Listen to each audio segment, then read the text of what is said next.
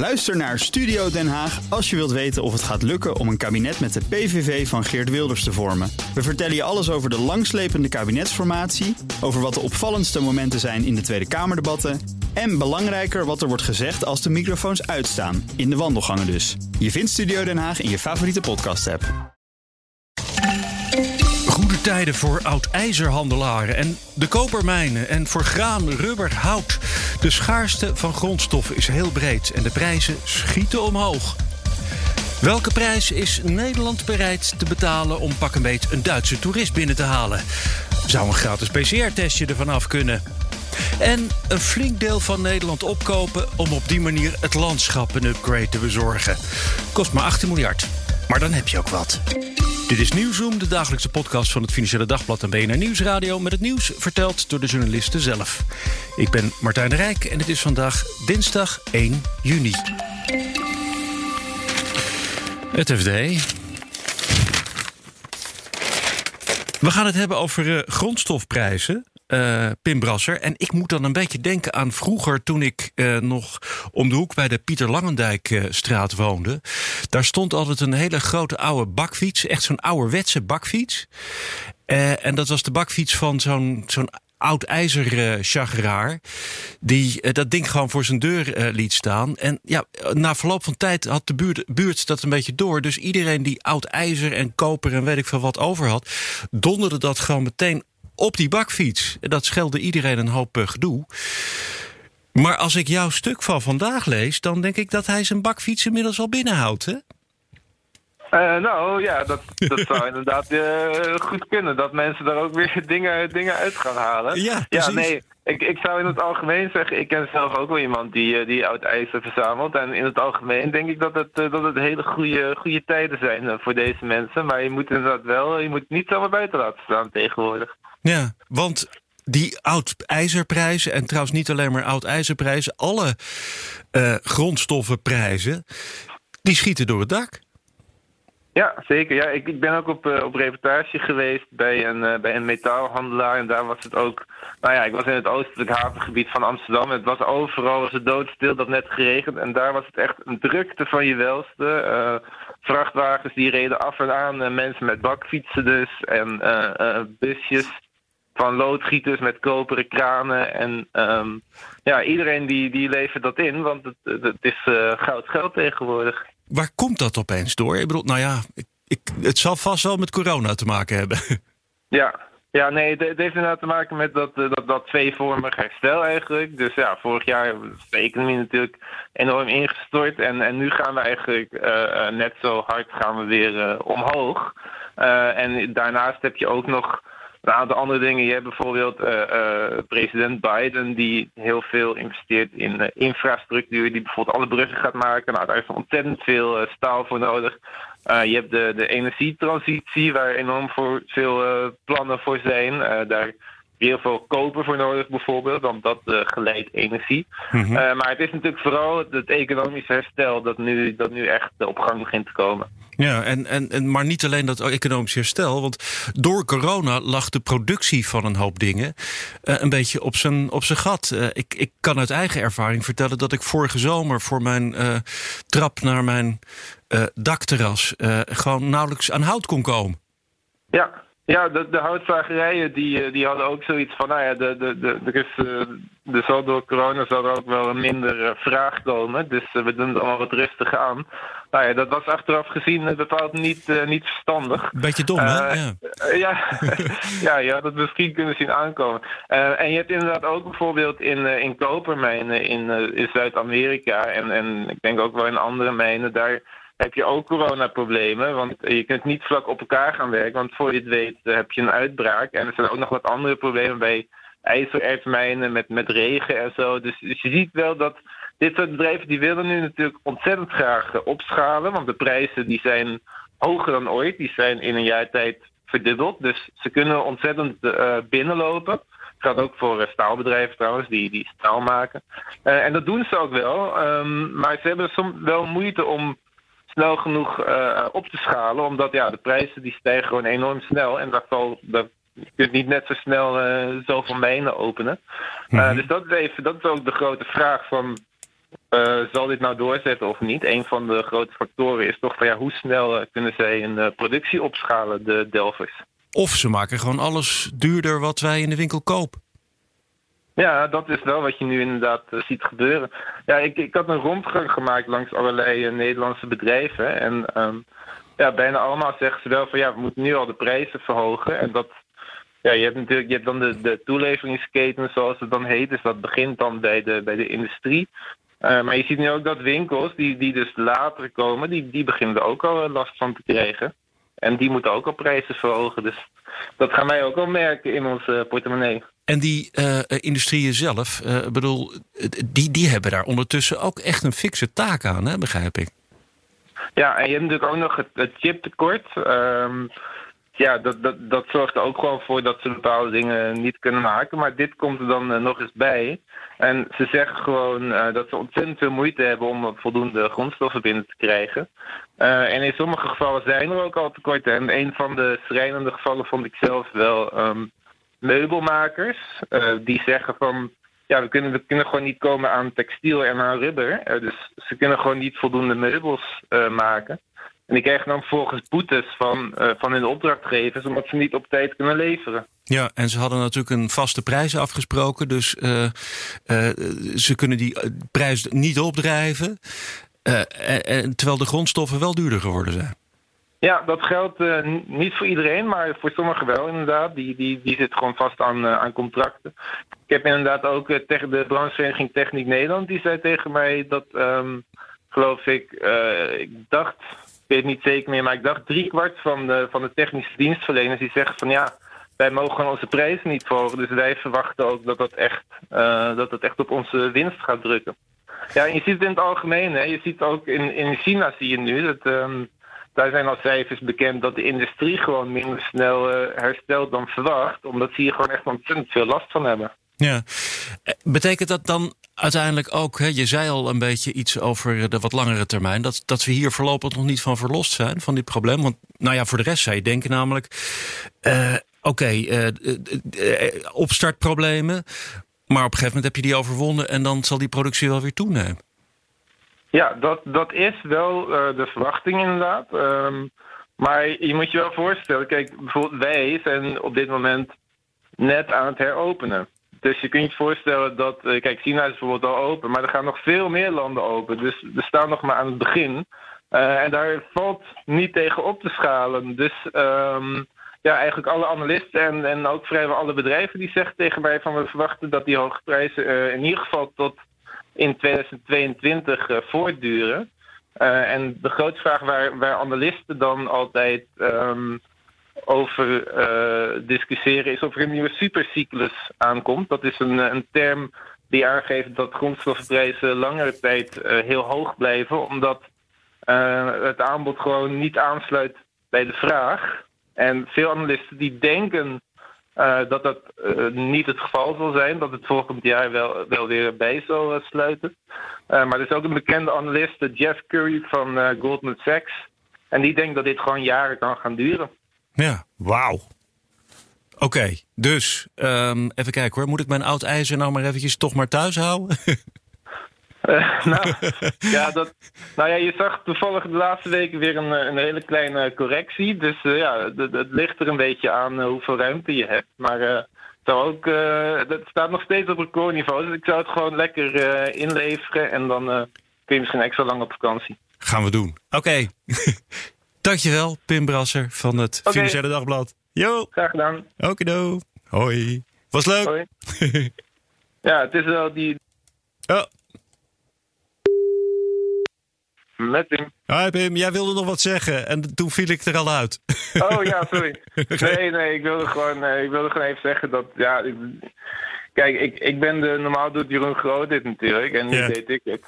Yeah. En ik vind, ja, als je het zo allemaal, eh, kijk, je hoort er zijdelings wel dingen over, maar als je dat zo allemaal bij elkaar hoort, dan, dan is het eigenlijk toch wel, uh, toch wel heftig. Ja, hè? Nou, wat ik ook wat, wat, ik, wat ik vooral opvallend vond, ja, we hebben natuurlijk niet alles besproken, dat gaat ook bijna nooit, maar um, het is zo breed. Het gaat niet ja. alleen, ik bedoel, rubber, graan, graan, jeetje. Eh, Ja. eh, eh, ijzer, koper, het, gewoon alles wat. Ja. Ja, absoluut. Ja, dat is ook wel fascinerend eraan. Dat, ja, omdat het economisch herstel is ook breed, denk ik. Dus dat, eh, en, en ook bij voedselprijzen waren dan weer wat, wat problemen en zo met, met de oogsten en eh, dat soort dingen. Maar eh, nee, het is overal is het een probleem. Dus dat maakt het ook wel natuurlijk een heel belangrijk onderwerp. ja. Nou. nu staat hij er echt helemaal goed op. Ik, ik dank je hartelijk. Ja, was Ja. fijn interview en eh, succes met monteren. En dankjewel, dat gaat wel lukken. Hoi. Later. Hoi. Eh, hou die oud-ijzerwinsten nog maar even in je portemonnee... want we gaan dat geld investeren bij het volgende onderwerp. Bierveeltjes klaar. En daarna gaan we 18 miljard aan overwinsten investeren in het landschap. Blijf luisteren. Reacties, of misschien heb je nog eh, meer investeringsideeën? Mail naar nieuwzoom.bnr.nl of nieuwzoom.fd.nl. Ja, ik zag Het maakt mij, het maakt, we moeten alleen even de goede aanzetten dan. eh. Ga ik me wel even even naar jou Ik, ik zat nog even te checken, maar voor kinderen moet je dus ook een eh, test betalen. Ja. Als je de grens over wil. Maar ik weet nog niet vanaf welke leeftijd. Dus die van mij is anderhalf. Nee, Dus ik denk dat dat niet hoeft. dat denk ik ook niet. nee. Nee, maar eh, ik denk dat jouw kinderen wel. eh, Ja, eh 13 en 15. Ja, dus dat sowieso, 16. ja. 16. Ja. Hij is gisteren 16 geworden. gefeliciteerd. En dan heb je wel van die testaanbieders, commerciële testaanbieders, die, die dus zeggen: Ah, krijg je kinderkorting. Weet je, dan is het niet 89, maar 79 euro. ja, daar word je blij van. Ja. ja. Jij hebt een, Geert-Jan van BNR Nieuwsradio, een hele... Zijn we al begonnen? Ja, jij hebt een hele Oh, business dat, case dat, uit... dat, uh, gouden hoer vooraf, dat eh, neem je ook op? Of, eh, eh, ja, wat dacht jij dan? Je ziet het lampje toch branden? Oh ja, nee, Ja. dat ging de vorige keer ook al. Eh, Toen Ja. ging het over de McDonald's bij Mark. Maar goed. Oké, take it ja, away. ja, jij hebt een hele business case eh, bekeken, tegen het licht gehouden. Over de vraag of wij als Nederland voor toeristen die naar Nederland toekomen, de PCR-test zouden moeten betalen. Dat ze gewoon cadeau zouden moeten doen. Het begon met een bierveeltje. Het begon met een bierveeltje. Laten we beginnen met het bierveeltje. Berekeningen beginnen altijd op bierveeltjes. Ja, maar, zo, zo is dat. eh. Martijn. Ik ben, ik ben gewend aan Mark. Marktijn, je hebt ja. wel meer haar. Nee, eh, en dat bierveeltje, dat, eh, tegelijkertijd kwam Jos Franke van de NBTC, een Nederlands bureau voor toerisme en congressen, Holland Marketing, die kwamen ook met een bierveeltje. En toen kwamen we tot een wat uitgebreidere som. En nu is er een soort grove kosten-batenanalyse ontstaan. En als je dan kijkt naar wat we voor de rest van het jaar in Nederland nog kunnen verwachten aan toeristen, buitenlandse gasten, Mhm. dan zijn dat er zo'n 4 miljoen. Gaan Ja. we samen even doorrekenen? Ja, nee, ik, eh, ik, eh, ik schrijf mee op het bierveeltje hoor. Het gemiddelde bestedingspatroon van een buitenlandse gast in Nederland per verblijf, dus dan heb je het niet over dagjestoeristen, maar mensen die hier echt ook slapen, is 515 euro. Voor het hele vakantietje, Ja. zeg maar. Ja, dus dat is een gemiddelde. Ja. Nou, keer 4 miljoen, kom je dus uit op ruim 2 miljard. 2,1 miljard euro. Dat dit jaar nog eh, in Nederland uitgegeven wordt door buitenlandse toeristen. Dat is geld dat in de economie belandt. Mhm. Maar dan heb je de staatskas. Van elke eh, euro die een buitenlandse gast in Nederland uitgeeft, zou naar verluid 17 of 18 cent eh, eigenlijk rechtstreeks aan accijnsen, belastingen, noem maar op, in de staatskas vloeien. Ja. 380 miljoen euro eh, stond in het, op het bierveeltje.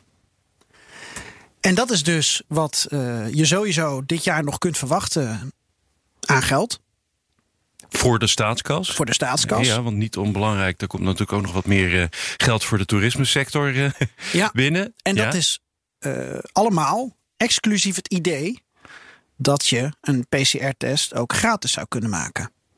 Dus dat je eh, door middel van subsidiëren zou kunnen stimuleren. Mhm. Dus wil je nou dat eh, die Duitser, dat er nog meer Duitsers naar Nederland komen? Wil Ja. je nou dat die Duitsers in Nederland meer geld gaan spenderen, meer in onze economie, in onze En er niet voor kiezen om naar weet ik veel waar te gaan. Ja, gewoon in Duitsland te blijven bijvoorbeeld. Dat is een ander goed punt. Dat Ja. ze naar ons komen en niet naar Mhm. Frankrijk, waar dit al gedaan wordt. Oh jee, ja.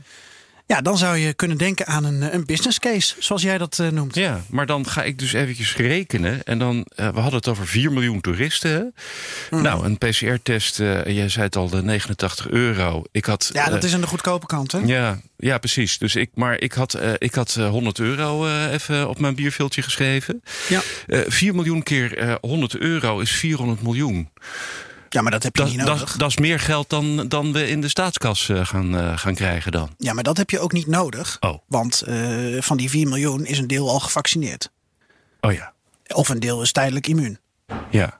het gaat erom dat je de mensen die nog niet twee prik hebben gehad dan... zoals ik zelf, dus misschien heb ik ook een belang bij dit nieuws. Ik zeg ja? het maar eerlijk. Oh ja. dat je die tegemoet komt. Maar waar het volgens mij om gaat... is dat, zoals het NBTC dit ook omschrijft... Iemand als Hugo de Jonge hamert telkens op wat dingen kosten. En je zou het om kunnen draaien. Kijk nou naar wat het oplevert. En dat is wat dit bierveeltje, wat deze kostenbatenanalyse in grove vorm op dit moment ons, ons meegeeft. Mm -hmm. Namelijk dat het ook wel wat zou kunnen opleveren als je uh, een soort cashback actie hiermee initieert.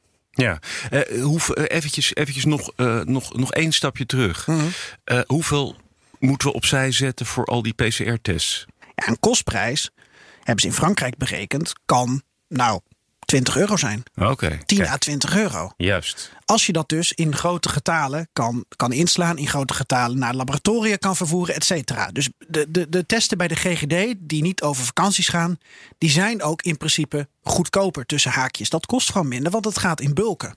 Nou ja, en dat is dus uh, interessant. Dan zou je kunnen denken aan 4 miljoen keer 20 Okay, is 80 miljoen. 80 miljoen. Maar okay. dat heb je ook niet per se nodig. Want ik zei al, een deel is gevaccineerd. Maar je zou dat kunnen reserveren. Ja. Kijk, en dan is natuurlijk de grote vraag: is dit leidend voor een toerist om naar Nederland te komen?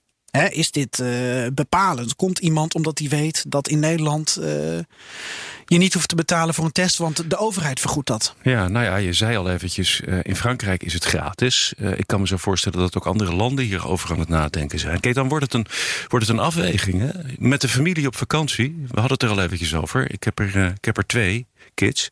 Ja. Uh, die willen nog mee allebei. Nou, die oudste niet, maar die moeten we natuurlijk op een andere manier. Die gaat met vriendjes mee en weet ik veel wat. Maar ook die moet dus een, een test uh, doen ergens uh, in Europa. Ja. als je dat bij elkaar gaat optellen, dan gaat het wel aantikken. Ja, het is gewoon een smak geld. En er komt hier zoveel bij kijken. En, en nogmaals, dan is dus het punt van de NPTC. Laten we eens kijken naar de batenkant. En die hebben dit ook, dit bierveeltje, deze grove berekening, neergelegd nu bij EZK ministerie van Economische Zaken en Klimaat. Zo van, nou, dit is een eerste exercitie. Kijken jullie nou eens verder.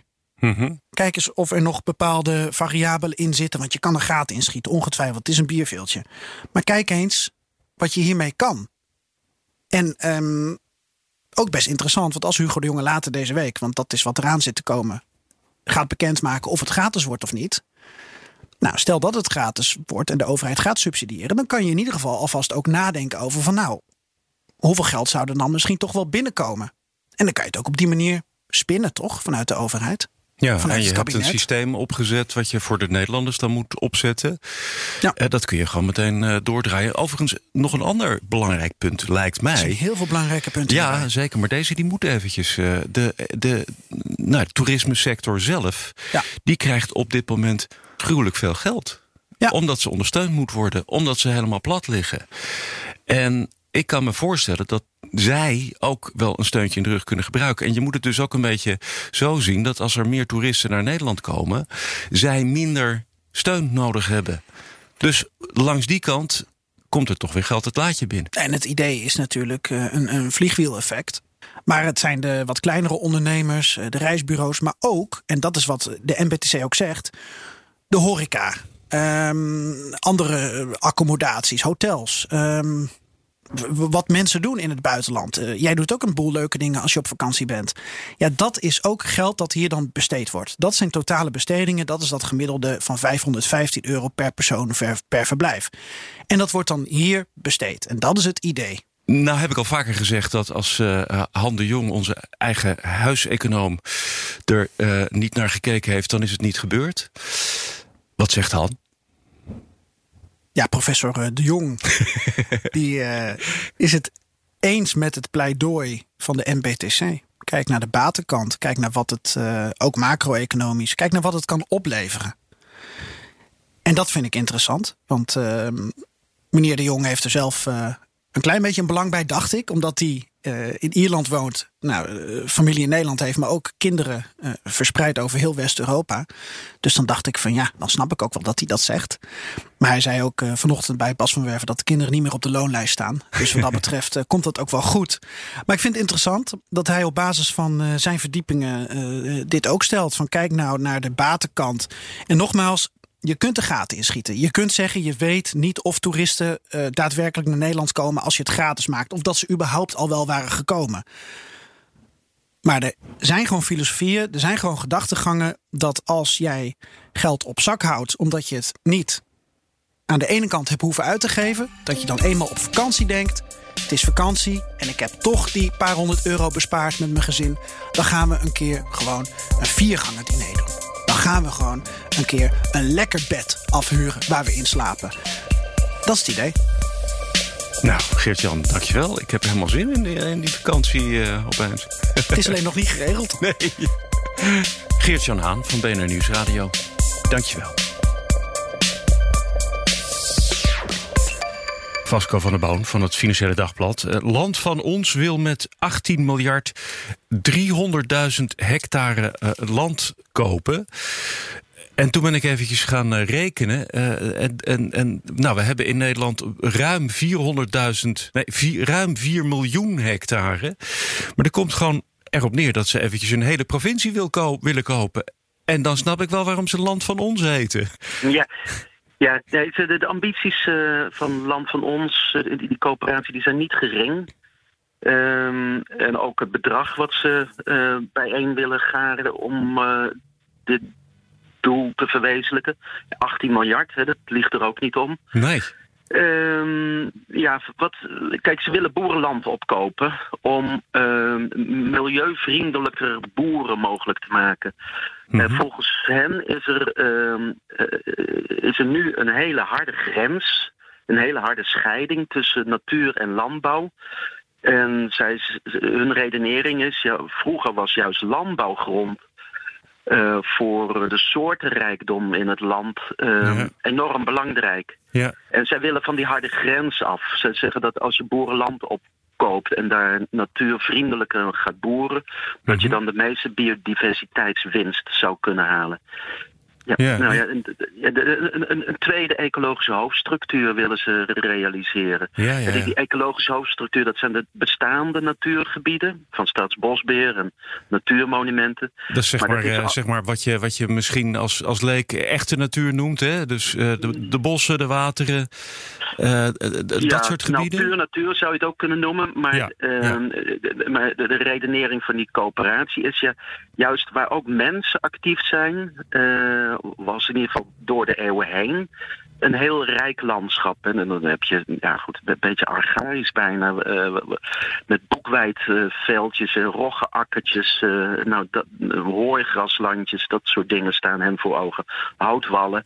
En Ja. dat is allemaal verdwenen in het eh, intensief gebruikte boerenland in Nederland. En daar willen ze, nou ja, inderdaad een gebied ter grootte van, de, van een provincie eh, eh, weer voor terugbrengen eh, brengen in Nederland. Ja, ze hebben in zoverre wel een punt dat als wij. Nou ja, ik bedoel, het, het, het overgrote deel van Nederland, dat is dus. Ik noem dat dan maar eventjes industriële landbouw. Ja. Dat zijn die strakke groene eh biljartlakens. Ja. Het doodsaai landschap eigenlijk. Hè? Ik bedoel, ik, ik ben nogal een wandelaar, maar eh, er gebeurt niet veel, laat ik het zo zeggen. Ja, ehm, nou, dit, ja, dit, ja, en ja, ehm, nou ja, wat er gebeurd is, eh er wordt Engels rijgras ehm, gekweekt op eh, veel poep. Eh, Ja. En, ehm, en de, de, dat, ja, daar wordt. Eh, daar worden de koeien mee gevoerd. Ja. Eh, en, en- of de maisakkers, eh, ook meer met veel poep. En daar worden de koeien en de varkens mee gevoerd. Ja, god, het is, ehm, de- de- de- de- die boeren zitten eigenlijk klem tussen hamer en aanbeeld. Tussen, tussen een wereldmarkt. Waarvoor ze zo goedkoop mogelijk bulkvoer eh, produceren. En zo goedkoop mogelijk varkensvlees, zo goedkoop mogelijk melk. Ja, en Mhm. daar gaan al die dingen waar ze geen geld mee kunnen verdienen, gaan daardoor eh, van het land af. Eh, weg met die houtwallen, daar heb je niks aan. Daar zet eh, dat land van ons dan eh, die eh, natuurboeren tegenover. Ja. Gaan, gaan die het dan wel volhouden op die wereldmarkt? Gaan die, kunnen die wel meekomen? Ja, nou dat heb ik eh, gevraagd aan de, de initiatiefnemer van, eh, van de coöperatie, eh Franke Remery. Het, is het eigenlijk niet een soort museumboeren, wat je dan eh, terug probeert te krijgen? Kun- kun- Kunnen die dat wel redden Mhm. op de wereldmarkt? En hij zegt, ja, als wij. Ze, ze hebben nu een stuk of tien landbouwpercelen al opgekocht. Dus ze bestaan pas een jaar, nu al met 14.000 eh, deelnemers. Dus het gaat best hard. Mhm. En eh, zij zeggen, ehm, als wij een stuk landbouwgrond hebben gekocht, dan staan de boeren bij ons in de rij om te vragen of ze dat mogen pachten eh, om zeg maar, extensief te beheren. Dus, dus niet op ja, industriële schaal dat die grond Mhm. helemaal uitpersen, maar rustig gaan beheren. Ja. Eh, met, met wat minder koeien of eh, één keer in het jaar maaien of eh, voor, voor, eh, ja, wat nou ja, ou- ouderwetse gewassen of experimentele gewassen. ja. En er is dus veel belangstelling voor. En ja, door, door, ehm, doordat ze minder pesticiden, minder landbouwgif gebruiken, geen, of geen landbouwgif, geen kunstmest gebruik toestaan op de gronden die ze dan weer gaan verpachten aan boeren. Kan het volgens hem uitkomen? Kan, kan je er een businessmodel eh, van maken? En hij zegt ook, ja, we, we moeten niet hun redenering is, je moet niet voor het maximale geld gaan. Er zijn ook andere waarden dan alleen maar geld die je moet hebben. En een, een mooi landschap is ook wat waard. Ja, maar eventjes voor de duidelijkheid. Ze vragen dus ook letterlijk minder geld aan die boeren die dan eh, Ja. eh, natuurlijk gaan boeren. Ja, ze gaan de, de, de grond die zij opkopen, verpachten ze weer door aan boeren die die grond kunnen gebruiken, maar dan op hun voorwaarden. En natuurvriendelijk eh, moeten dan geboerd worden. En eh, in, in ruil daarvoor vragen ze lagere pachtprijzen dan eh, de marktprijs. Ja, maar dan moet je meteen weer eh, gaan denken aan eh, die andere kant. Want ja, eh, die, die 18 miljard die ze denken nodig te hebben, die moet ook nog even binnenkomen. En, en dan hebben ze echt, want ik heb nog eventjes zitten rekenen, maar ze hebben tot nu toe 170 hectare en ze willen naar de 300.000 hectare. Dus Ja. ze hebben nog wel even te gaan. Ja, nou, ze, ze, ze- hebben ehm, met ingang van vandaag hebben ze hun regelingen opengesteld voor ehm, grotere geldgevers. Ze zeggen dat, er, dat ze veel belangstelling daar nu al voor hebben. Tot nu toe was het maximum wat je kon inleggen eh, 20.000 euro eh, per jaar. Eh, dat hebben ze nu, eh, ja, dat plafond hebben ze er, eraf gehaald. Ehm, en je kan eigenlijk een ongelimiteerd bedrag inleggen. In ruil daarvoor bieden ze een, een bescheiden rendement aan van 0,1 tot 0,3 procent per jaar. dat is meer dan mijn Nee. spaarrekening, maar oké. ja? Ja, ja nou, inderdaad. Ehm, en ehm, ja, ja, die 18 miljard, nou ja, is het niet een beetje veel? Eh, vroeg ik aan eh Frank Remery. ja. En hij zegt, nou ja, met een vingerknip eh, is dat te realiseren. We hebben afgelopen jaar, coronajaar, hebben we in Nederland 50 miljard euro extra op onze spaarrekeningen gezet. Een derde daarvan, als we dat zouden bestemmen voor eh, het land wat mooier maken, eh, dan is het geregeld. Ja, het is, ik, ja, het, het is wel een mooi soort eh, ambitieusheid die er Ja. uitspreekt mooie landjes met een mooi landschap. En hij zegt dat is misschien wel evenveel waard, of misschien nog wel meer waard dan een heleboel harde euro's. Nou, Vasco van der Boom, dankjewel. Oké, Dat was Nieuwzoom voor vandaag. Heel graag tot morgen.